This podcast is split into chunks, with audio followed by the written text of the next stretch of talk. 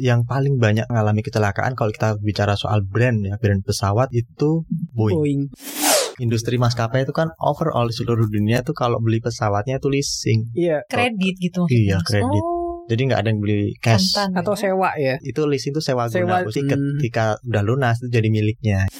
Kalau kita bicara industri penerbangan, sekarang mereka tidak bisa terbang tinggi Hmm. gitu ke atas awan ibarat burung. Koneksi. Konten ekonomi seksi. Halo Sobat Cuan. Halo sobat Halo. cuan. Ada Alin. Ada Novan. Dan aku Dan kita ada di segmen koneksi konten ekonomi seksi gitu ya Sobat Cuan ya. Dan mungkin ini adalah apa ya kita yang kita mau bahas ini ada kaitannya sama berita yang memang lagi happening banget ya. Breaking news of this year bisa dibilang Iya. atau this week ah, gitu mungkin sobat cuan juga udah baca beritanya banyak gitu ya baik itu di media-media mainstream gitu ataupun juga di sosial media gitu tentang Mm. kecelakaan pesawat Sriwijaya Air gitu ya.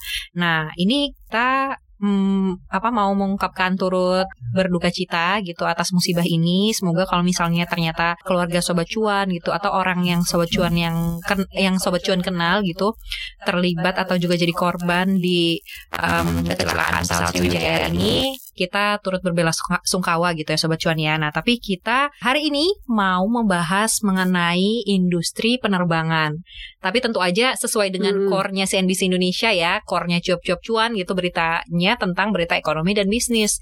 Jadi kita mau um, angle-nya ke arah sana Iya. gitu sobat cuan gitu. Ini kan memang disoroti gitu ya. Banyak banget bisa dibilang cukup sering ya kecelakaan pesawat gitu dan setiap kecelakaan pesawat tuh ya ya breaking news karena itu memang berita yang besar gitu. Nah, seberapa besar sih industrinya gitu. Hmm. Itu yang mau kita highlight sih ya Mas Novan ya. Betul. Nanti juga kita ngobrolin ternyata ada aturan baru nih soal perjalanan di tengah pandemi sebenarnya ya. Mhm. Mungkin ini mungkin eh, surat edaran dari Kementerian Perhubungan ini nggak terlalu ada bukan terpengaruh dari sisi tragedi kecelakaannya Mhm. tapi memang lebih kepada mengatur lagi nih perjalanan orang dengan eh, Pesawat. pesawat Mhm. di masa pandemi sekarang ini. Tuh, Mm-mm. nanti Yang ada tadinya kan ada harus menyertakan apa ya surat swab surat, gitu ya. terus kemudian kapasitas pesawat kemudian Dikurangi. Yang justru nggak dibatasi. Aneh kan tambah ya gitu. Dan juga ini kan harus menyediakan tempat khusus untuk Iya. orang Jadi, yang orang punya gejala katanya- ringan COVID-19. katanya ada tempat isolasi gitu jadi Mm-mm, ada di atas isolasi. pesawat. Menakutkan nggak sih sebenarnya ya malah buat yang lain gitu kan? Ya kita Iya nggak tahu ya apa em, tujuannya pemerintah nih apa gitu? Apakah Mm. mungkin tujuannya adalah kembali menggairahkan industri penerbangan dan industri pariwisata ya Mas Arbun ini ya memang uh, di dilema ini industri penerbangan. Karena kalau kita ngomong pandemi yang terpukul paling utama salah satunya ya ini penerbangan bisnis Mm-mm. transportasi. Orang nggak bisa ke mana-mana. Mm-mm, dan sekarang ditambah lagi ada pembatasan baru. Mm-mm. ya pastinya semakin tertekan gitu. Hmm. kalau data eh, jumlah data Kementerian Perhubungan itu kan kemarin jumlah penumpang itu 37 juta. Eh, itu jahat itu tahun 2020 ya. Mm-mm. Nah, itu- sepanjang tahun itu ya berarti. Iya. Hmm. Itu jatuh banget Turun ya? dibandingkan tahun 2019 yang mencapai 80 juta penumpang domestik. Plus oh itu baru domestik kalau ditambah yang internasional 18 juta ya berarti 98. Dari 98 jadi 37. Hmm. Ya kan anjlok banget gitu jumlah penumpangnya. Jadi bisa dibayangkan betapa beratnya industri ini gitu di tengah Mm-mm. pandemi. sementara juga ini bukan industri yang murah ya Hmm. iya nggak sih. Kan tapi mungkin- sebelum pandemi pun juga industri ini udah saingannya ketat sebenarnya mas Iya ya ya, luar Iya. biasa berdarah-darah juga gitu ya. iya maksudnya eh, Mm-mm. taruhlah maskapai flag carrier kita gitu ya kayak Garuda gitu ya meskipun di kalah normal juga kadang masih ada rugi-ruginya kalau nggak salah laporan bukunya juga ya mas ya. Iya. jadi itu tuh itu normal loh maksudnya dengan kondisi yang normal gitu Mm-mm. tapi Betul. apalagi kalau dengan kondisi yang sekarang ini Mm-mm. itu bayangin aja itu industri yang apa namanya maskapai flag carrier yang memang Membawa Di- nama bangsa gitu. iya dan dan di backingin oleh negara. negara gitu B- ada. BUMN di situ segala macam gimana yang swasta gitu ya. Iya, sangat berat banget. Eh, ya kalau kita mau melihat gambarannya lihat aja di inilah di bursa saham kita. Mm-mm. Kan cuma ada dua saham maskapai gitu ya. Mm-mm. Air Asia Indonesia itu disuspend. Kenapa mas? Iya. Saya nggak tahu apa nih. Iya, ada rencana katanya mereka mau di listing Oh, nanti. di Iya, listing. mau, gitu. mau di, di listing ya? Ya kabarnya Hmm. sempat ada wacana-wacana Hmm. seperti itu, tapi ya ini masih diproses gitu. Di sisi lain eh, Mbak Garuda itu Hmm. ya Di tertekan gitu, terutama Hmm. kemarin setelah ada insiden kecelakaan itu, Hmm. itu langsung anjlok harga sahamnya. Mm-mm. Kalau dihitung sepanjang tahun berjalan, saya, saya catat tadi masih masih Masih naik sih, naik dikit Oh, gitu, masih naik. 1,7 persen.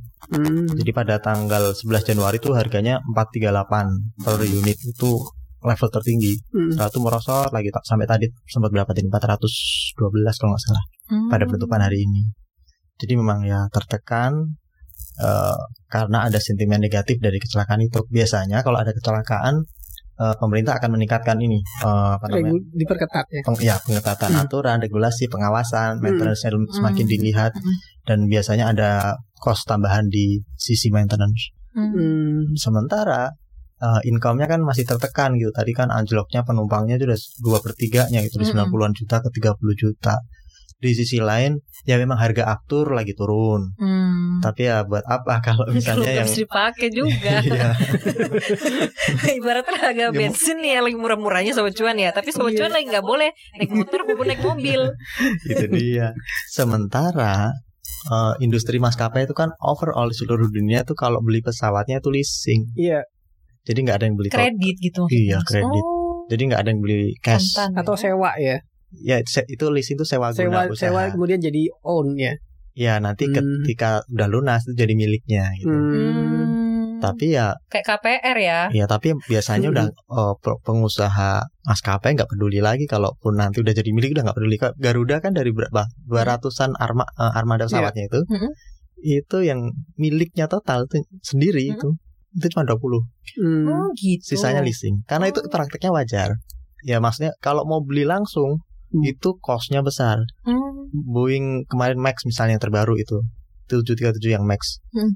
eh, yang sempat bermasalah tapi udah diizinkan terbang lagi Hmm. itu kan harganya sekitar 800-an miliar Satunya. satunya jadi kalau kalau Alin nih gajinya misalnya 40 juta per bulan itu butuh paling nggak berapa tahun? 60 tahun Udah pensiun duluan.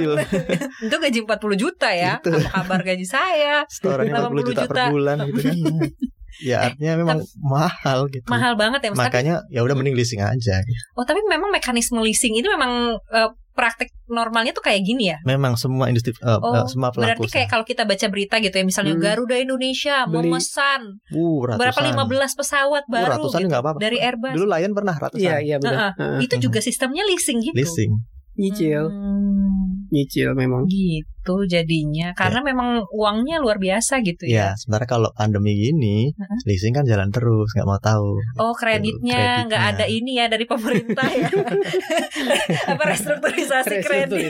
Nggak, makanya teman kemarin kemarin juga kan sempat ada beberapa berita misalnya perusahaan maskapai penerbangan Mm-mm. saya kayak Garuda mau menegosiasikan Kredit dengan itu gitu, leasingnya leasing. segala macam dengan kondisi kayak gini gitu kan kasarannya ya kalau nggak bisa ya ya udah balikin aja ambil dah tuh pesawat kayak Oh kayak gitu, udah disita gitu kan ya. tapi kan jadi rugi juga si perusahaan listnya itu kan Iya. Artinya pasti akan ada jalan dicari jalan tengahnya lah Mm-mm. kayak Mas, gimana kan kalau kita leasing mobil nih ya, ini kan kita ngambil yang Hmm. paling dekat aja contohnya ke kita Hmm. gitu ya, biar kita ngerti. Kan kalau kita leasing mobil itu kayak dari dealer, terus ada lagi lembaga leasingnya ibaratnya yang minjemin kita duit atau yang ngebayarinnya kan. Iya, Hmm. Ada pihak ketiga gitu di antara kita dengan si dealernya ini. Mm-mm. Kalau leasing pesawat itu begitu juga ada lembaga lain atau langsung ke si Airbusnya atau ke Boeingnya sih? Eh, tergantung kontraknya sih. Oh. Tapi biasanya bisa langsung kok. Oh langsung. Jadi kontrak-kontrak pembelian dalam skema leasing Mm-mm. eh, terhadap sekian unit pesawat dan pembayarannya udah per bulan berapa dan kena bunga berapa gitu. Hmm. Jadi satu unit pesawat ha- ke seharga taruhlah. manufakturnya langsung ya mas ya? Mm-mm. bisa bisa ke Mm-mm. manufakturnya langsung Jadi manufakturnya menerimanya ya cicilan gitu. Oh, Nggak nggak nggak gitu. nggak menerima eh, apa namanya lamsam dari Hmm, pihak hmm, ketiga. Mm-mm, mm-mm. Bisa kayak gitu. Tapi ya ada juga yang misalnya pakai jasa eh, perusahaan leasing internasional tapi itu jarang banget. Biasanya ya ini langsung makin banyak lagi fee-nya ya kalau ada orang ketiganya gitu mm-mm, ya. Makin mahal. Heeh, makin mahal. Oh gitu. Berarti kalau misalnya orang-orang pejabat-pejabat atau pengusaha-pengusaha yang punya private jet itu Gimana Ya tuh? leasing. Leasing juga, nyicil Wah, juga berarti. Jangankan pesawat, mobil aja yang beredar di sini aja juga. Dileasingin juga ya walaupun orang-orang kaya ya. Ya, Ngapain beli cash kalau bisa Pajaknya leasing? nunggak juga. juga. Tapi mas kan berarti itu tadi ya mekanisme pembeliannya adalah leasing gitu. Hmm. Dan yang kan kita tuh tahu ya kalau baca berita tuh cuma produsen pesawat itu Boeing sama Dan Airbus. Airbus. Mm-mm. Emang emang cuma dua itu aja. Ada Embraer, Ada ada, MD ya masih ada ya? ada PTDI Iya. Iya. yang sayangnya sudah dikerdilkan oleh Tapi memang Iya, dua dua dua dua pembuat pesawat itu memang Mm-mm. mem- boleh disebut jadi kayak jadi kayak Gojek makanin makanin yang makan iya makanin yang kecil-kecil itu Cuma pabrikan-pabrikan itu yang doang. kecil Hmm. kecuali kalau misal bahkan yang kontrak militer pun juga ada misalnya Boeing sama kontrak Negara eh, mana? militer eh, apa namanya pembuat manufaktur pesawat jet tempur Oh, segala macam gitu. gitu-gitu Mm-mm. dia bikin apa namanya pesawat komersial Eh, ya mesinnya lah atau apanya gitu-gitu. Jadi Sukhoi. nah, Hmm. Kadang kan Sukhoi itu kan jadi- pesawat tempur. Mm-mm. Terus dia bikin versi penumpang. nah, Hmm, Iya. gitu.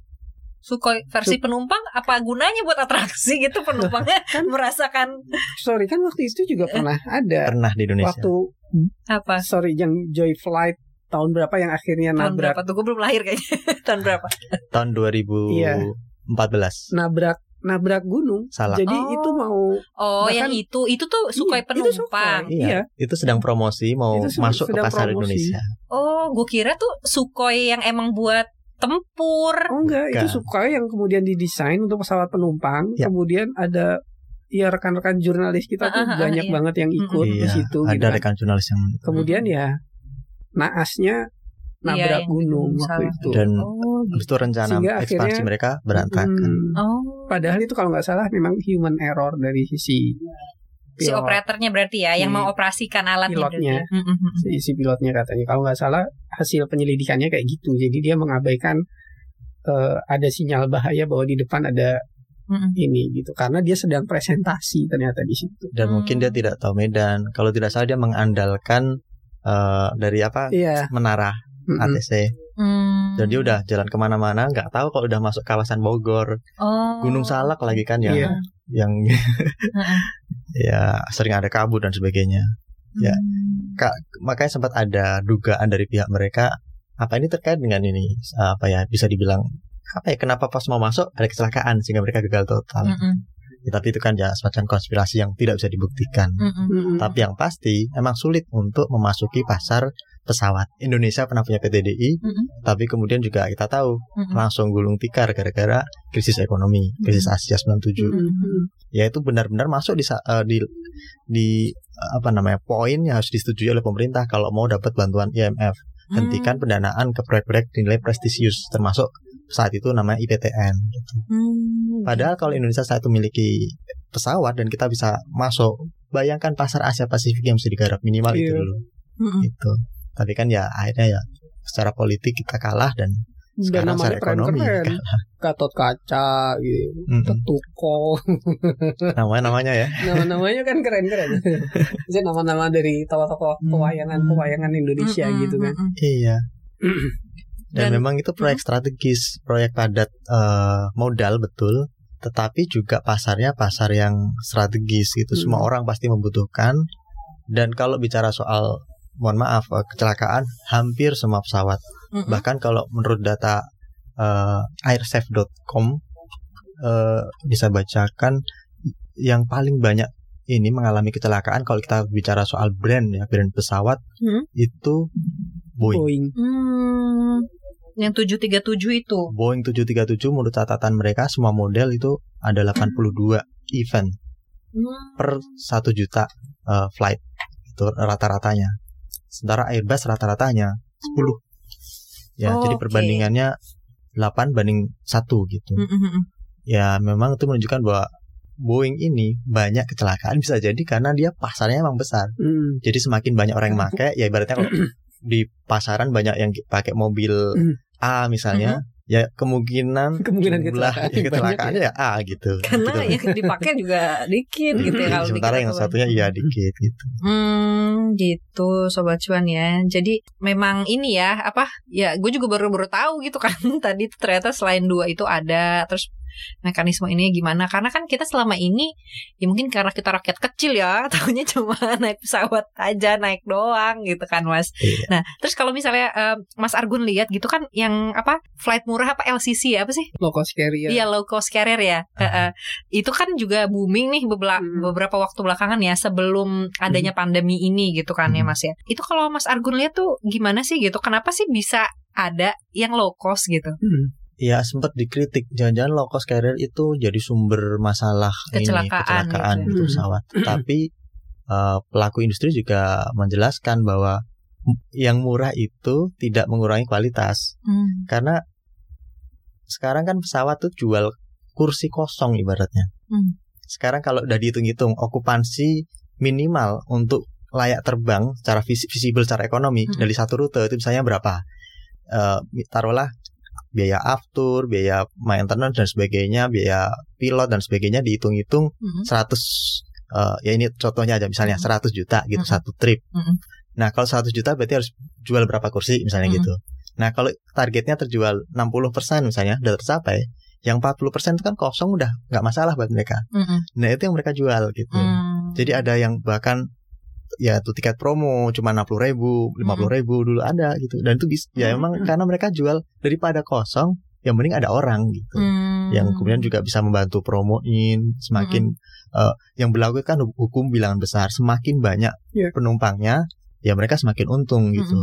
Nah, kalau udah target 60% tercapai, sisanya bisa mereka promoin. Hmm. Hmm. Jadi nggak ada pemangkasan biaya maintenance, pemangkasan gaji pilot dan sebagainya. Ah, Secara teknis ada eh, apa ya, Nam? ada strategi atau taktik untuk menyiasati biar hemat bahan bakar Iya misalnya betul. naik di ketinggian tertentu dan Hmm. eh, kalau bisa tidak perlu muter-muter kalau mau Part- mendarat. Ah, Approach. Jadi ya mendarat tuh langsung di lin- perlintasan. Hmm. Kalau sekarang kan ngantri tuh banyak Mhm. muter-muter Mhm. dulu itu ngabisin bensinnya afturnya berapa puluh liter gitu. Mhm. Makanya dulu itu eh ya eh, paling paling apa ya? Yang paling eksklusif tuh biasanya dapat jalur langsung gitu di di kalangan Hmm. maskapai di Bandara Soekarno Hatta misalnya atau di Hmm. bandara-bandara lain.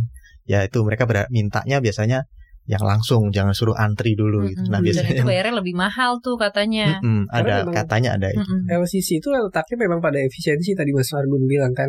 Dan satu, memang konfigurasi pesawat mereka itu kemudian diubah jadi penumpangnya lebih banyak gitu. Hmm. Kayak misalnya seat lebih rapat jarak gitu ya. That's why ini kan dengkul berbeda. lebih Iya kan? Iya. kejedot ya. Kemudian mereka nggak punya business class Heeh. gitu kan. Kadang mereka menawarkan seat-seat tertentu gitu dengan harga yang lebih premium gitu. Mm-mm. Meskipun misalnya cuma dapat aqua gitu. Mm-mm. Kemudian mereka meniadakan eh, jamuan yang biasa ada di pesawat gitu kan. Karena Diganti untuk roti aja. Iya, costnya juga kan karena itu kan dibebanin lagi ke eh, penumpangnya gitu sehingga Mhm. kalau misalnya nggak diadain, oh ternyata costnya lebih segini. Hmm. Nah dari sisi rute juga mereka harus cari rute-rute yang efisien fuel. Kalau Mas Agung bilang misalnya rute yang banyak Eh, diminati berarti. nggak cuma diminati tapi lebih efisien dari sisi eh, cost penerbangan ya misal pesawat A ke B terus kemudian mereka nggak balik ke A lagi bisa lagi misalnya Oh, dari ke B tempat ke C lain. Ya pengaturan rute. Eh, eh, pengaturan Oh. rute yang mereka memang lebih makanya kalau misalnya masa gue bilang memang nggak mau muter-muter benar juga karena biasanya mereka ngincar memang daerah-daerah yang dalam tanda kutip nggak ramai nggak terlalu ramai eh, pesawat masuk gitu Hmm. kayak misalnya daerah-daerah tertentu gitu kan kayak ya nggak nggak terlalu remote juga sih tapi Hmm. memang eh, waktu itu memang LCC itu kemudian dengan adanya LCC ini penerbangan-penerbangan ke daerah-daerah yang tadinya nggak ada direct Mm-mm. jadi ada direct gitu Mm-mm. karena mau diambil sama sama maskapai yang LCC karena rutenya itu dan penumpangnya itu ternyata cukup kok gitu kos Hmm. gua Hmm. ketutup gitu Hmm. misalnya sehari 100 gua ngambil dua rute atau tiga rute dalam sehari Hmm. atau pesawatnya bolak-balik bisa sehari berapa kali gitu kan Hmm. ya lumayan kosnya sama sehari Hmm. tapi kalau misalnya eh, tripnya bisa lebih banyak gitu Iya. kan ngangkat ngangkat Ngangkat orang yang lebih rame Hmm. gitu lebih untung lebih jadinya ya lebih secara untung di situ. memang sih sudah dipastikan bahwa LCC ini tidak tidak menomor dua kan sih dari sisi safety Keamanan, gitu, mm. dari sisi keamanan Mm. karena ternyata juga pilot itu juga punya wewenang untuk ya. eh ya gue mau terbang apa enggak kalau ini pak eh, maintenance-nya nggak beres ya gue nggak terbang juga nggak apa-apa Oh. jadi si pilot bisa Hmm. memutuskan bahwa Ya, tidak boleh ini iya ini gue mau terbang kalau misalnya belum di maintain segala macam kalau gue menolak mereka Hmm. dilindungi undang-undang ya, Hmm. Tidak karena boleh dipaksa. iya kan nggak boleh dipaksa kalau mereka pikir mood gitu. kalau mereka lagi pikir nggak safety ya segala sesuatu jadi cek nggak safety segala Hmm. macam Iya. ya mereka pikir ya sudah nggak nggak apa layak namanya terbang gitu ya. nggak nggak layak terbang ketika mereka memutuskan untuk nggak gue nggak mau nerbangin Mm-mm. ya sudah mereka nggak bisa Mm. diapa-apain karena mereka dilindungi undang-undang karena yang di- mereka bawa kan juga penumpang Mm-mm. Jiwa. ya, jiwa orang Mm-mm. kan Mm-mm. Mm-mm. gitu Hmm. dan itu menjadi kenapa di Indonesia ini kemudian persaingannya juga berat gitu kan Hmm. ternyata juga ada eh, LCC itu yang lebih banyak ber berjaya gitu ya memang di Eropa tuh ternyata LCC lebih banyak lebih Oh, banyak iya. berjaya dibandingin yang Banget. lain gitu kan Amerika juga penerbangan-penerbangan Mm-mm. LCC juga Yes. semuanya akhirnya sudah Mm-mm. berubah ke sana gitu kan karena lebih efisien dan ternyata penumpang juga nggak terlalu mau menikmati luxury gitu Iya, kan. tapi parah sih LCC di sana tuh luar biasa loh. Lu gue tuh- pernah. Naik dan kayaknya gue nggak mau lagi deh. Jadi naik LCC ada Flybe namanya, sobat cuan. Kalau di Eropa tuh da- di Inggris sih kayak eh, dia jadi dia, dia suka dari Inggris ke Iceland atau Iya. antar Inggris gitu. Jadi waktu itu pernah ke Scotland, Scotland itu kan ada di utara di ujung kalau Hmm. peta Inggris tuh dia di atas yang di atas. Terus kota gue tuh Southampton, adanya di bawah, di bawahnya Hmm. London. Jadi dari utara ke selatan naiklah si LCC Flybe ini murah banget, memang Hmm. tiketnya murah banget mas. Berapa ya? Pokoknya murah banget ya, kayak cuma 200 ribu lah gitu ya. Dari ujung Inggris utara ke selatan gitu ya. Ih, itu luar biasa ya. Gue kayaknya gue nggak mau lagi deh. Gue tuh bahkan bisa mendengarkan gemeretak apa sih kayak Suara, kaleng kayak kaleng badan pesawatnya ini. Oh. dan sampai yang goyang banget kayak mungkin kalau kita wartawan pernah naik apa Hercules ya pesawat TNI yang bener-bener Ah, bener-bener Hmm. ge- itu kayak naik pesawat TNI mas. Itu pesawat penumpang. Dan memang di sana lebih ketat sih kayak eh, lu bener-bener nggak boleh bawa karena LCC Iya, ya nggak kilo? eh, eh, apa namanya be- beratnya tas kita carry eh, carrier kita gitu nggak boleh lebih dari 15 kilo. Hmm. gitu terus udah gitu dia memang tidak ada ini nggak ada bagasi Hmm. jadi bener-bener semua tuh cabin gitu-gitu dan itu bener-bener mepet-mepet banget Hmm. ya gitu tapi memang murah banget sih gitu cuma gue kayaknya nggak lagi deh beneran itu gue langsung Berarti lebih parah daripada yang di sini loh. lebih parah menurut gue di sini ya LCC di sini tuh masih lebih manusiawi lah Hmm. Heeh. karena di sana tuh bener-bener yang nggak dapat makan mungkin mereka se Tapi lu gak kipas-kipas kan? Hah? Tetap ada AC. Iya karena kan dingin juga kalian luarnya Oh, ya iya. gitu Gak kipas-kipas Gak kipas-kipas sih Ada AC-nya Tapi itu bener-bener turbulensinya tuh Yang gue bisa ngeras Gue bisa ngedenger bunyi ngerrrr gitu loh Hmm. Itu gue pun mengira kayak Wah kayaknya gue Temen gue tuh sampai Apa sih nyebut gitu Pas dia turun Aduh mau lagi Kayak gitu Iya, Karena iya, dia iya. bukan wartawan kan Dia kayaknya gak pernah naik pesawat TNI Oh, iya. kalau gue tuh berasanya jadi kayak kalau pesawat TNI kan gue agak agak Ya, secure karena yang ini kan pilotnya TNI ya Padahal ibarat. sama aja juga. Iya tapi pokoknya maksud gue ya sama TNI kan ya mungkin ya udahlah pesawat perang apa gimana kan. Iya. Ini tuh pesawat komersil gitu itu sih mas kayak oh LCC di sana luar biasa sih. Menyerempet maut. tapi aman sih aman sih. Eh, sebenarnya kuncinya itu di LCC itu di maintenance mau LCC mau apa ya premium class itu kan ya pesawat itu kuncinya itu di maintenance kalau kita ngomongin soal keselamatan gitu Hmm. ya kan kalau yang kemarin eh, yang baru eh, terkena musibah ini kan katanya umurnya udah tua kan 26 tahun gitu Mm-mm. Ada yang juga oh jangan-jangan karena usia. Oh enggak juga. Karena kalau kita bicara usia ini ya memang eh, rata-rata banyak puluhan tahun gitu pesawat-pesawat. Bahkan Hmm. eh, data apa maskapai paling aman nih maskapai paling aman tuh ada loh datanya. Apa? Siap ah, maskapai apa mas? nah maskapainya itu eh, ternyata salah satunya Kantas dan yang nomor dua itu dari Hawaii Apa namanya? Hawaii Airlines Oh. dan itu berdirinya tahun 1900-an 1920-an gitu Hmm. jadi kalau ngomongin soal tua ya tua tapi mereka bagus di maintenance-nya Hmm. karena kan Hawaii Airlines ini dia melayani rute Amerika ke Hawaii. ke Hawaii. Hmm. Itu sama kayak maskapainya Bali gitu. Hmm. Orang se Indonesia mau ke Bali ya biasanya pakai dia. gitu. Hmm. Makanya bisnisnya bagus, ada dana yang cukup untuk maintenance Mm-mm. gitu. dan dia paling safe. Hmm. Ya selain itu ada misalnya yang dari Qatar Airways, Etihad tiga tiganya itu katanya juga paling safe. Di Asia Pasifik ada beberapa Jet Air, kemudian Tig- eh, Tiger Air, Mm-mm. Ah, punya Australia ya itu. Hmm? Indonesia Indonesia nggak masuk. nggak masuk ke dalam list aman. Iya, Bahkan kan Garuda juga sempat dilarang untuk melintas di langit Eropa kan. iya. Oh ya, Ah, sempat ah, sempat sempat. di embargo, maksudnya dilarang terbang Mm-mm. ke Eropa kan. Mm-mm. Baru kalau nggak salah tahun 2016 atau 2017an gitu ya, Iya, baru, baru aja boleh lagi. boleh lagi kan. Mm-mm. Mhm. Kayak gitu. Eh kalau Qantas tuh dari mana sih? Australia. Australia, Australia. juga. Oh. Iya. Iya iya. Dan dia itu dia memang tagline-nya tuh the safest airlines karena memang ya dia punya data dari Hmm. berba- flight dia berapa kali jarang ada yang terjadi fatality. Fatality itu ada kasus kecelakaan yang menyebabkan minimal minimal satu jiwa Hmm. hilang itu udah dianggap fatality. Hmm, gitu. Nah dia nggak pernah biasa. Semoga ini bisa menginspirasi gitu ya. Yang lain-lain juga harusnya menjaga itu. Mhm. Kalau di di apa namanya di negara-negara barat kan tuh kebanyakan mereka udah nggak ngomongin soal safety juga, tapi apa namanya ketepatan waktu Mm-mm. Iya betul. itu udah diper, diperjual maksudnya jualannya gitu. Mm-mm. Kami maskapai paling tepat waktu itu paling Nggak terjual. delay Iya. gitu ya. Di Indonesia mah delay udah Ya, part itu of hal yang wajar. part of the trip gitu. Untung orang Indonesia tuh sabar ya, Ya kan dan ikhlas. memang begitu. Penumpangnya nggak boleh delay, pesawatnya bebas delay. Iya. lu jadi penumpang meskipun pesawatnya delay, lu telat datang, lu nggak boleh padahal pesawatnya udah berangkat. Delay. Oh, iya, emang. bisa jadi begitu. Ya Oh, dan bahkan kalaupun kita ada masuk di pesawat kan suruh nunggu dulu. iya, Bisa 10 lama. menit, 20 menit. Saya pernah nunggu 30 menit. Oh iya mas, panas dong. Oh Udah banget. nyala AC-nya belum Udah kan? Mesinnya belum nyala kan? Heeh. Tapi ya itu sabar-sabar. Jangan Nggak kan ada yang gitu. protes. Lu ada bisa-. Bisa aneh, ada yang aneh lagi. Gue juga nggak tahu sistemnya kayak kenapa gitu ya. Temen gue bisa sampai salah naik jurusan lo pesawat. Masa itu LCC? Iya. Oh iya salah. Jadi Gak dia dicek harusnya emang. dia harusnya ke Manado tapi dia bisa bisa bisa bisanya entah gimana dia masuknya ke pesawat yang jurusan lain gitu Nggak ketahuan. dan dia baru sadar setelah dia ada di pesawat Tapi kursinya dia itu berarti kosong ya, nggak ada orangnya ya? iya dia duduk di situ nomor kursinya segitu terus dia cek dia baru sadar ternyata ini jurusannya kok gue heran ke Kayak gimana naik bisa angkot lolos ya. Kayak naik angkot ya. Kan naik angkot kan sering salah kan? Oh Aduh, ini gue klik pesawat Ya, tapi. semoga aja salahnya dari rute domestik internasional gitu.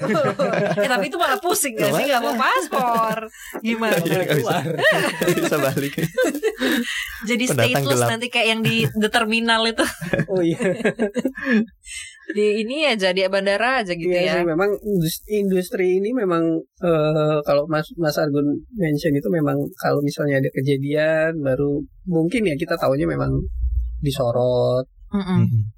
Gue ngelihatnya sih ini sebenarnya nggak terlalu jauh ya selama selama yang gue ingat memang luar biasa ya maksudnya eh, beberapa kali tuh Hmm. pernah apa namanya berhadapan dengan situasi yang kayak kayak gini gitu. Kalau nggak salah juga waktu 2019 akhir itu kan ada yang pesawat baru pun jatuh gitu ya. Mm-mm. Yang Boeing baru itu kan segala macam air yang Max itu Ya. kan akhirnya kemudian di dilarang terbang di, di grounded semua di seluruh dunia gitu kan. Itu pun juga masih masih fresh banget dalam memori ketika nugasin reporter gitu sampai mereka ternyata waktu itu gue suruh lip- liputan lin Mm-mm. ke sana gitu mereka naik kapal ternyata di kapal gitu mereka ikut kapal pencari padahal gue bilang Oh, jadi mereka ke mana-mana dong, nggak langsung ke. Semalaman ya, nggak balik-balik. nggak balik-balik gue juga kan gue bingung ya Heeh. Itu anak orang gitu kan. Gue perasaan gue nggak nugasin dia. Gue suruh ikut kapal pencari gitu kan. Tiba-tiba mereka ya mungkin rasa apa namanya Semangat liputan. semangat liputan jurnalisme segala macamnya tuh akhirnya mereka naik dan kapal itu nggak balik-balik. Mereka pikir kapal itu cuma sebentar Ke mana doang terus balik lagi balik lagi. ke ini enggak. Sampai ketemu kapal itu di situ. Mereka di kapal Regal yang sekarang ini juga Oh, ada ya. Ini pemantaunya itu kan. Ya, akhirnya mereka naik kapal lain. Dan pulang dan gue besokannya Oh. jadi mereka bermalam di kapal itu tapi berarti waktu itu apa TV lu masih jadi Iya, di sini di sih Oh, CNBC. di CNBC. Iya. waktu yang uh? Boeing yang Lion yang Max itu Oh. itu sampai 2017 kalau iya 2019 mas 2019 2000 iya 2019 akhir kalau nggak salah malah 17. jadi dua tahun lalu lah kalau Hmm. di ini ya Mm, mm, mm, mm. yang Max itu kan juga baru boleh terbang lagi kan ya. Hmm. Mm, mm. Itu terus jadi faktor usia pesawat ini juga memang lagi-lagi nggak menentukan bagaimana maintenance dan bagaimana apalagi pesawat Boeing Max itu katanya waktu itu diluncurkan itu sosialisasinya tuh belum belum jalan jadi ternyata Oh, jadi ada sistem- feature-feature yang feature-feature si- yang baru yang nggak tahu gitu si pilotnya Benar, ini. ternyata gitu ya. penyebabnya juga salah satunya itu. Ya. Jadi ada Mm-mm. feature MCAS-nya itu yang Ya. ternyata belum terbiasa belum pilot familiar gitu ya si uh, pilot. membaca dan itu kurang di ini. Dan katanya juga itu gara-gara persaingan bisnis, artinya persaingan antara Boeing dan Serba. uh, Airbus karena waktu itu dulu-duluan launching Iya. produk baru kalau nggak salah yang satu Hmm, dikejar Max, deadline gitu. Iya, yang satu Max, yang satu Boeing tuh apa gitu. Lupa gue jadi udah meluncur jadi nggak mau jauh-jauhan karena memang Oh. ada di situ. Tapi impactnya adalah ke eh, pilot. Pilot Mm. di beberapa negara pun juga melaporkan ada keanehan nih Oh, iya, gitu. Akhirnya dengan mereka sistemnya dengan sistem. sistemnya yang mereka nggak biasa. Akhirnya manual booknya apa-apanya sistemnya juga upgrade sama Boeing gitu kan. Baru sama FAA boleh terbang lagi. Hmm. Kalau nggak salah insidennya juga nggak cuma di Indonesia ya waktu itu. Iya, Afrika, Iya, Afrika. benar. Sama kasusnya baru naik pas landas jatuh juga. Mm-mm. Hmm. Yaitu katanya ya ada fitur itu yang dia nggak ngeh dan Mhm. nggak di apa ya nggak ya responnya terlambat Iya. gitu. respon si Hmm. pilot ini yang memang belum ter- menyadari fitur ini bagaimana cara ininya gitu. Hmm, gitu ya sobat cuan apalagi nih Mas Argun yang bisa apa ya dibagi gitu informasi mengenai industri apa sih Menurut gue yang aturan baru ini deh Mas Argun ya. Maksudnya misalnya aturan bahwa ketika perjalanan di dengan kapal udara apa pesawat sekarang ini katanya nggak nggak usah dibatasi lagi 70% kan. Dulu Hmm. kan kalau nggak salah ada batasan 70% atau bahkan mungkin 50 70% kalau nggak salah. nah, sekarang kan dibebasin nih. Artinya kalau kapal pesawatnya full juga mungkin nggak apa-apa. Mm-mm. yang penting kan si masing-masing penumpang udah pegang hasil tes kayaknya ya. Ya. Eh, Mereka udah pegang hasil tes, jadi nggak perlu lagi ada dalam tanda kutip jaga jarak karena mereka memang sudah clear gitu kan. Terus kemudian, ya menurut gue juga agak kurang apa ya? Mungkin ini juga salah satu tujuan pemerintah untuk kemudian industri maskapai ini bisa survive lagi gitu karena kalau misalnya Ya. dibatasi-batasi lagi kayaknya juga makin berat kayaknya ya. Iya, karena gimana ya? Nggak dibatasi pun yang terbang orangnya nggak banyak gitu iya ya. sih. Nggak nggak dibatasin pun eh, penumpang costnya itu tetap nambah juga karena kan ada tambahan tes swab Iya, beberapa benar. ratus ribu kan gitu. Jadi memang saya pikir eh, kebijakan yang diambil pemerintah tuh kebijakan yang apa ya ya ya udahlah daripada dibatasin 75% 50% di 100 persenin pun biasanya nanti normalnya hanya 25 50 Iya nggak akan persen gitu. juga gitu ya. nggak banyak Mhm. juga dan ya sayangnya ada uh, musibah kemarin Hmm. sementara kalau uh, ada temuan gitu ketika ada kasus kecelakaan pesawat gitu itu biasanya tingkat okupansinya turun gitu, Hmm. untuk penumpang untuk mau naik pesawat lagi gitu Hmm, ada semacam Ada trauma secara psikologis Takut juga ya, ada ada ketakutan. Ada kekhawatiran ketakutan. ya. itu kasusnya ada di uh, Amerika Serikat dulu ketika ada tragedi Menara Kembar Hmm. Iya, WTC yang hmm. uh, September 2001 nah, eh 2001 apa 2011 ya 2000 2001 2001 ya. Nah itu uh, uh, load factor-nya passenger di sana apa tingkat keterisian pesawat itu turun dari Turun. sekitar 66% menjadi 56%. Hmm. Ya 10% tapi kan ya lumayan gitu. Hmm. Ya ada dugaan itu karena orang hindari dulu gitu. Hmm. Setelah itu ya uh, kembali lagi gitu.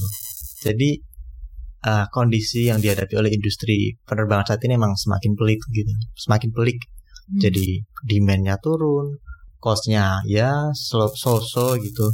Eh air, apa namanya air em, after itu Hmm. memang turun, tetapi itu pun akhirnya dikembalikan ke pelanggan. Jadi kan 26% tiket kita itu Hmm. masukin komponen after. Jadi Hmm. afturnya berapa dibagi berapa passenger itu ya udah kena berapa gitu. Hmm. Jadi kalau afturnya turun yang menikmati juga kita gitu. Hmm. Artinya maskapai juga ya nggak untung banyak gitu loh dari kenaikan penurunan aftur gitu. Cost-nya itu memang sudah di pass over ke para uh, penumpang, langsung gitu. gitu ya. Jadi emang dia berat leasingnya jalan terus di sisi lain. Mm-mm. Ya mungkin pemerintah bisa membantu itu karena nggak banyak yang bisa dilakukan pemerintah. Beda sama di Amerika Serikat gitu kan. Mm.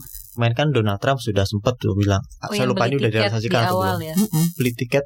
Jadi semua kementerian tuh udah dibeliin tiket gitu untuk setahun atau dua tahun ke depan gitu. Jadi dibeli di muka. Jadi duitnya bisa dipakai oleh ya Airlines United itu, Airlines, gitu. American Airlines itu untuk ya bayarin tagihan atau apa pun.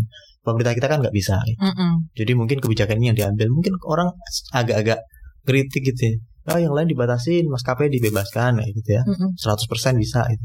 Tapi ya nggak nggak melihat realita di lapangan. Itu 100% pun kemungkinan ya tingkat keterisiannya tidak 100%. orang pun masih ada keengganan untuk traveling ya Iya. dengan kondisi kayak begini Mm-mm.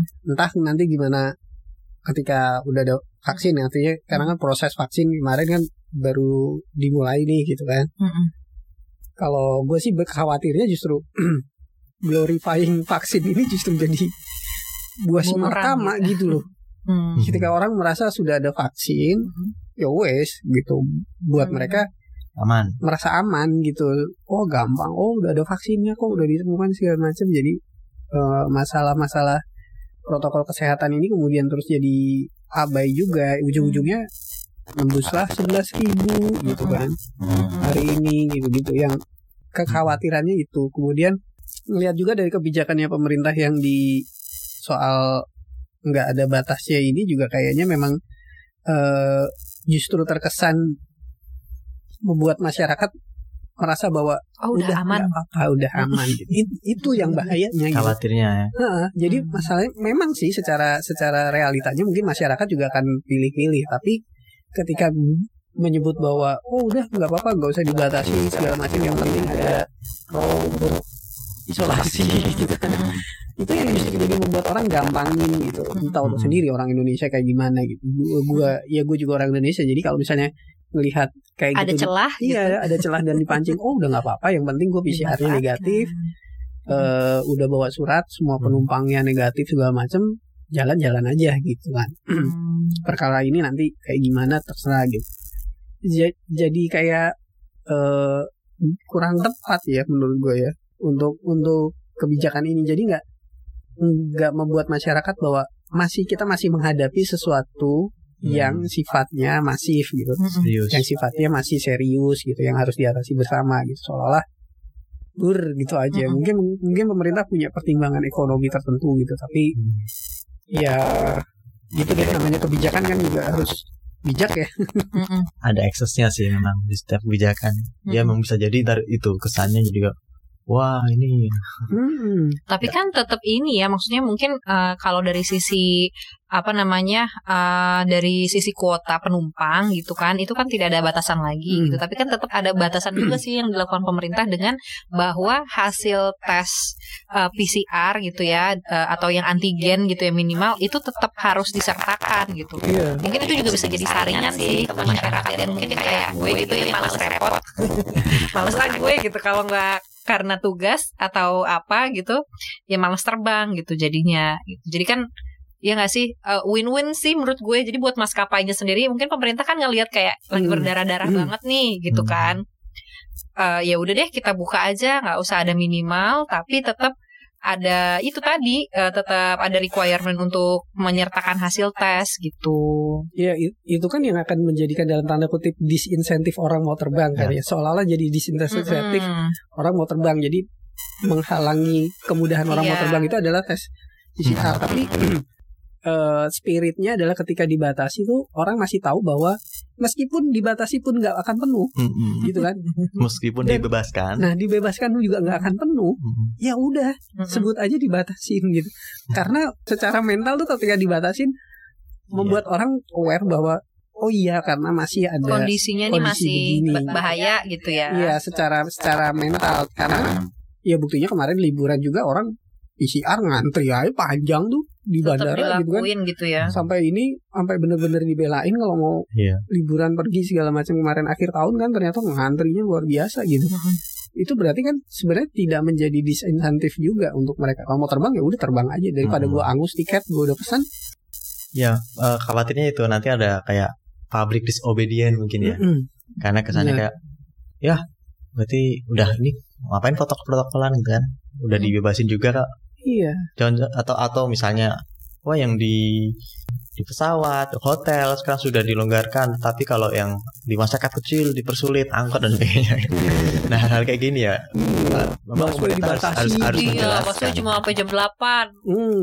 Marah nih gue Mau pulang jadi gak bisa naik busway Iya sih gitu ya Em, Namanya juga peraturan Ada aja gitu Iya. Yang memberatkannya Ada juga yang Memang- memudahkannya Gitu kan Mm-mm. Serba salah gitu kan. Mm-mm. Karena memang ini sih Sobat Cuan ya Intinya adalah Dan ini nggak apa ya tak jemu-jemu gitu ya selalu kita announce ke sobat cuan bahwa virusnya masih ada vaksinnya udah mau didistribusikan tapi kan baru tadi ya baru hari ini ya tanggal 13 Januari 2021 orang pertama yang divaksin eh, COVID-19 gitu ya vaksin eh, corona itu Pak Presiden tadi breaking news hari ini itu baru hari ini nah kan butuh waktu juga untuk ke masyarakat yang lain gitu Iya. kan Hmm. jadi kita tetap harus memang menjaga diri 5M-nya itu harus dilakukan terus Ya, memang gimana ya, industri perbankan Indonesia itu harus ini sih semakin ya memperbaiki diri terus. Memang Mm-mm. kita nggak bisa eh, berharap mereka udah aman-aman aja puas Mm-mm. dengan yang sekarang. Memang kita akui harus memperbaiki ketepatan waktu, kemudian dari sisi eh, jumlah kecelakaan pesawat kita masih tinggi loh. Menurut Aviation Safety Network Mm-mm, ditambah dengan eh, kecelakaan yang barusan terjadi kemarin itu mm-mm. itu jumlahnya 192 kasus dalam 100 tahun terakhir. Oke. Jadi di rata-rata itu masih tinggi Hmm. jumlah korbannya mencapai 2.800 orang. Hmm. Jadi ya uh, memang rentangnya panjang, tapi kan tetap aja ini live. gitu ya. Ya kalau kita mau punya industri penerbangan yang dipercaya masyarakat, ya pada akhirnya emang Hmm. pelaku usaha harus extra effort untuk maintenance untuk dijaga itu. Mm-mm. Karena kan ya seperti ini um, ada peristiwa yaitu load faktornya kemungkinan juga akan turun. Turun lagi. yaitu ada yang memukul mereka sendiri pada akhirnya itu Hmm. pelaku industri. Jadi saya pikir ya memang kalau kita bisa industri penerbangan sekarang mereka tidak bisa terbang tinggi Hmm. gitu ke atas awan ibarat burung. Mereka harus terbangnya eh, apa namanya agak menyiasati eh, Hmm. keadaan karena memang ya lagi sulit dan Hmm. di kala pandemi ya industri ini yang paling terpukul. Mm-mm. Tapi harapannya ketika ada vaksin nanti ya orang ya sudah mulai bisa mendapatkan kehidupan normal lagi. Asumsinya vaksinnya udah berhasil aja lah. Mm-mm. Efikasinya udah di atas 70% gitu. Artinya 70% orang yang mendapatkan vaksin itu punya antibodi. Mm. Kalau udah itu terjadi kemungkinan ya ekonomi akan berjalan relatif lebih normal Mm-mm. dan pada saat itu ya industri penerbangan akan mendapatkan ya berkahnya lagi. gitu. Untuk saat ini memang berat. Karena kan bisa dibilang ya dengan kondisi geografis Indonesia yang adalah negara kepulauan ini gitu ya, eh, pesawat gitu atau jalur Hmm, udara itu hmm. memang sangat dibutuhkan ya Mas ya untuk mobilitas Connectivity, ya. manusia maupun juga eh, barang gitu. Jadi sebenarnya potensinya gitu kalau ngelihat dari segi Iya. eh, eh, eh, kita gitu ya geografis Indonesia gitu yang adalah negara kepulauan ini memang sangat dibutuhkan gitu industri penerbangan ini gitu kan ya. Mhm. Dan mau share sedikit sih kan karena gue tuh suka banget sama Pak Habibie Hmm. dari kecil ya. Em, agak disayangkan sih sebenarnya kan Pak Habibie tuh punya satu project pesawat terakhir ya. Di jadi di announce ketika dia ulang tahun ke-80 waktu itu. Mhm. Itu adalah R80. Jadi ini adalah bisa dibilang kan katanya kan yang pertama kali orang Indonesia bisa bikin pesawat adalah Pak Habibie kan. Hmm. Heeh, gitu kan. Nah, Pak Di Habibie tuh Asia. heeh, oh di Asia ya bahkan.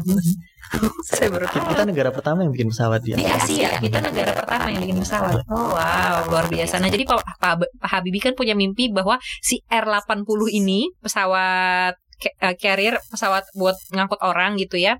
Inilah jadi pesawat pas ibaratnya pesawat Indonesia lagi yang teknologinya bagus lagi gitu. Mau mau me- menancapkan taring lagi gitu di Hmm. industri penerbangan eh, di Asia gitu atau di dunia gitu. Tapi ya dihentikan sama Pak Jokowi proyeknya ini gitu. Mungkin ya karena kondisinya juga gitu ya sobat cuannya. Cuma memang disayangkan sih karena kita butuh gitu ya Kak. Coba bayangkan deh kayak kita negara kepulauan kita butuh memang pesawat-pesawat ini gitu untuk mengangkut barang ataupun jasa dari satu pulau ke pulau lain. Mhm. transportasinya jadi lebih bagus. Kalau misalnya kita bisa produksi sendiri itu kan costnya jadinya lebih Murah. Dikit gak sih dibanding kita harus uh, apa namanya impor gitu beli dari luar gitu sih. Ya mungkin pemerintah kita lebih memilih Bikin jalan tol. Tol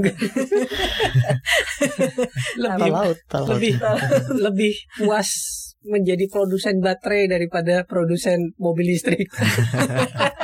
Baterainya aja gitu ya. Aja buat buat pemerintah udah cukup gitu. Mm-mm. Udah puas ya. Puas udah. Padahal baterai itu eh, ko- komponen baterai itu menyumbang 60% dari listrik eh, mobil listrik itu. Jadi udah Hmm. tinggal 50% lagi. Mungkin Bukan ini gitu. mampunya baru itu. Eh tapi ada loh yang sempet ngeliat nggak sih di sosial media ada satu kayak uh, insinyur, Hmm. insinyur kan ya orang teknik-teknik Iya. itu Indonesia cewek kerja di Tesla, Oh ya, udah lihat. iya kan? Iya, lihat. Nah, Ya. mungkin yang kayak kayak gitu bisa dipanggil panggilin pak.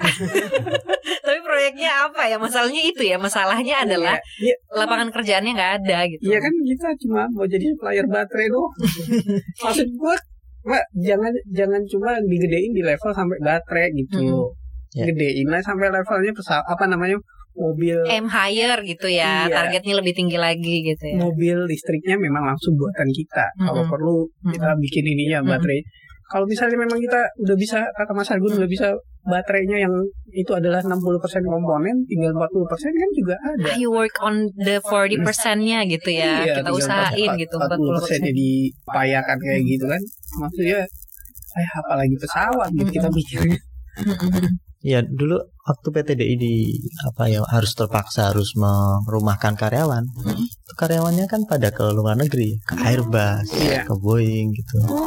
Nah sekarang ya PTDI dia akhirnya menjadi bagian dari supply chain bukan dari pemain. Hmm. Jadi mereka dia dapat bagian bikin ko- komponen apa dari pesawat Airbus, komponen apa dari Boeing gitu yang Kasian ya. yang yang receh-receh Mm-mm. gitu. Jadi kayak bikin spare partnya Mm-mm. doang, nggak bikin mobilnya sendiri gitu.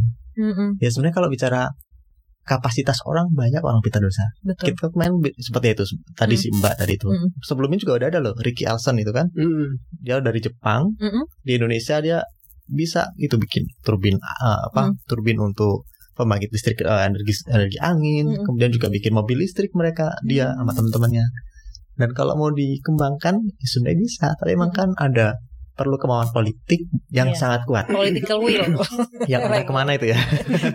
Yang selalu hilang ya kalau dicari-cari. dan emang nggak ringan untuk mem- mem- mem- mempertahankan political will karena lobby juga banyak di luar negeri. Dari luar. dari luar ya. karena ibaratnya sekarang gini kalau kita ingat dulu ada koprol di Indonesia itu. Koprol pas- ya itu pasti nggak tahu ya. Itu dulu semacam Facebooknya Indonesia. Oh iya, Koprol namanya. ya itu dibeli Yahoo Oh, tahun berapa sih? aduh itu tahun awal-awal 90-an 2000-an lah 90 akhir gitu Oh, dibeli bukan untuk dikembangkan dimatiin oh karena biar saingannya nggak ada. jadi semakin sedikit pesaing di Oke. dunia internasional pas internasional Mm. ya semakin luas pasar yang anda bisa garap gitu Hmm. sekarang Airbus Boeing satu lagi Embraer tapi kecil Mm-mm. ya ada ada apa tadi eh eh, yang dari Rusia itu Sukhoi. Sukhoi itu Mm-mm. kan ya kecil banget gitu yang gede tetap Boeing dan sekarang kalau orang cari pesawat ya ya sudah sana aja Sana, gitu gitu. pasarnya. Makanya sobat cuan kalau misalnya lu nemuin sesuatu jangan mau kalau dibeli sama perusahaan yang lebih gede cuma mau dimatiin Iya kayak itu film startup itu film Korea kayak gitu Oh. dia. Jadi ternyata katanya sistemnya mekanismenya adalah uh, talent acquisition. Hmm. Jadi dia beli perusahaannya Mm-mm. cuma mengambil talentnya doang tapi perusahaannya nggak mau dikembangin. iya Gitu. gue sejujurnya pengen nonton filmnya tuh kayaknya bagus cuma begitu ngeliat itu Korea kayaknya gue jadi ya ada drama-dramanya gitu, menye-menyenya ada. Cuma itu cukup ini kok cukup cukup membuka mata kita akan bagaimana sih bisnis startup gitu. Dan sobat cuan tuh jadi banyak yang ini kayaknya eh, investasi karena ada salah satu tokoh namanya Han Ji Pyong. Dia ini sosok seorang investor gitu. Dan dia jadi ikon salah satu perusahaan ini sekarang. oh iya, ah, iya, yang iya, gue bilang iya, itu iya, jadi iya. modelnya. Iya, Jadi iya, iya. Oh, ini juga gitu. membuka ya ini juga membuka mata banyak anak muda untuk investasi menjadi investor seperti Han Ji Pyong gitu. Hmm. Ini kalau misalnya kita kan kita ngomong ya eh, Mas Argun gitu Mas Novan juga cerita bahwa kayak oh bangsa kita dulu ya itu tadi Pak Habibie bikin eh, apa namanya pesawat pertama gitu ya di eh, Asia gitu kan.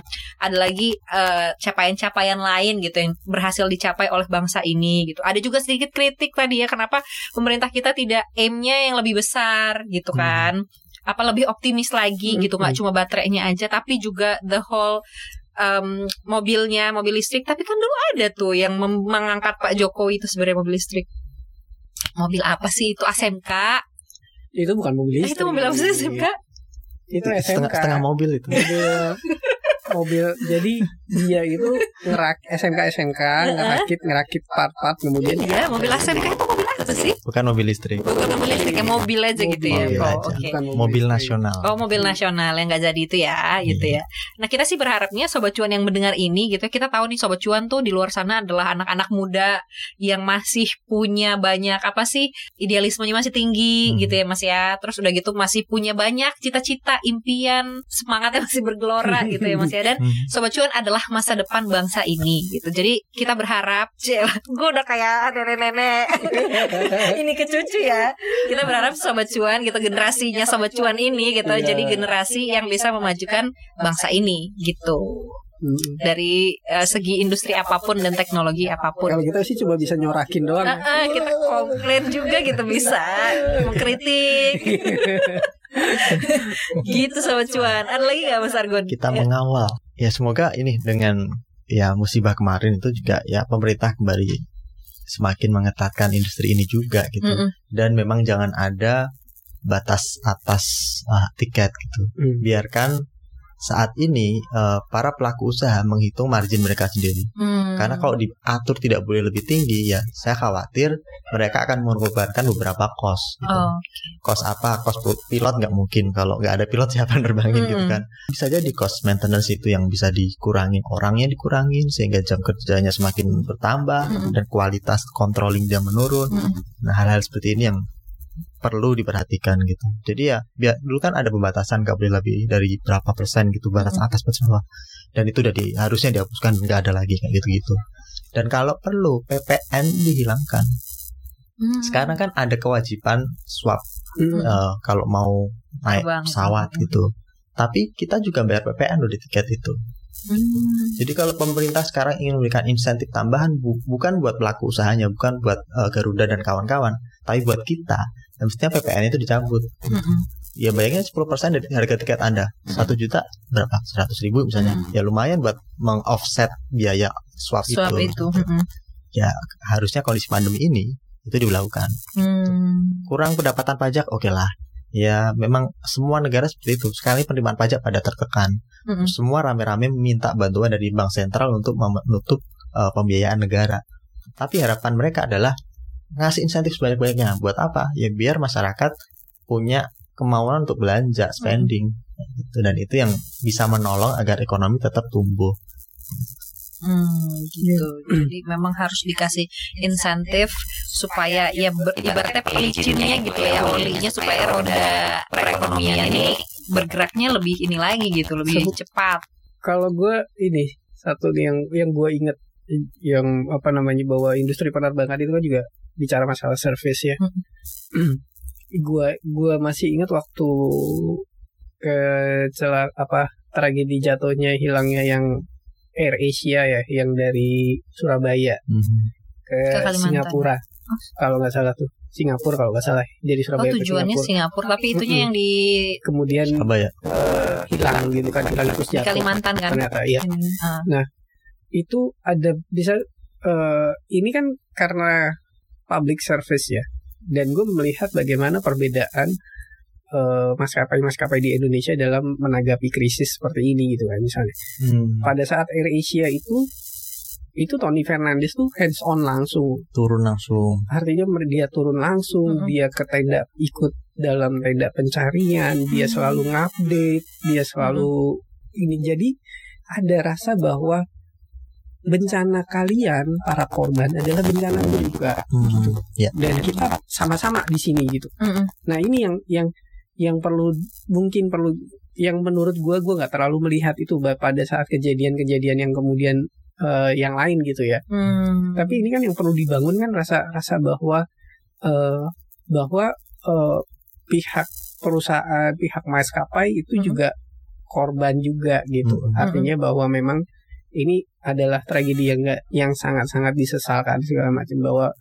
em, perusahaan maskapai itu juga berada di pihak yang sama dengan si uh, para korban dan keluarganya. Hmm. Artinya empati yang yang beneran dari perusahaan yang apa namanya maskapai ini yang memang perlu di perlu di Iya. uh, ini gitu kan karena mereka juga harus belajar uh, krisis kayak begini nih bagaimana mereka menghandle-nya Hmm. ini yang yang yang penting karena kan mentally bahwa keluarga support apa yang bisa diperbantukan dari maskapai bukan terus kemudian lepas tangan oh ini udah mulai urusannya Basarnas ini urusannya Hmm. TNI AL ini urusannya eh, Jasara Harja it's not the way Hmm. maksudnya menurut gue ya Ya. bukan cara yang yang elegan lah untuk Mm. menyampaikan bahwa eh, duka ini duka kita semua gitu, kan. gitu sih Jadi lebih ada rasa tanggung jawab yang lebih besar gitu ya. Iya, karena kan karena ini kan adalah service service gitu. juga kan. Heeh, industrinya.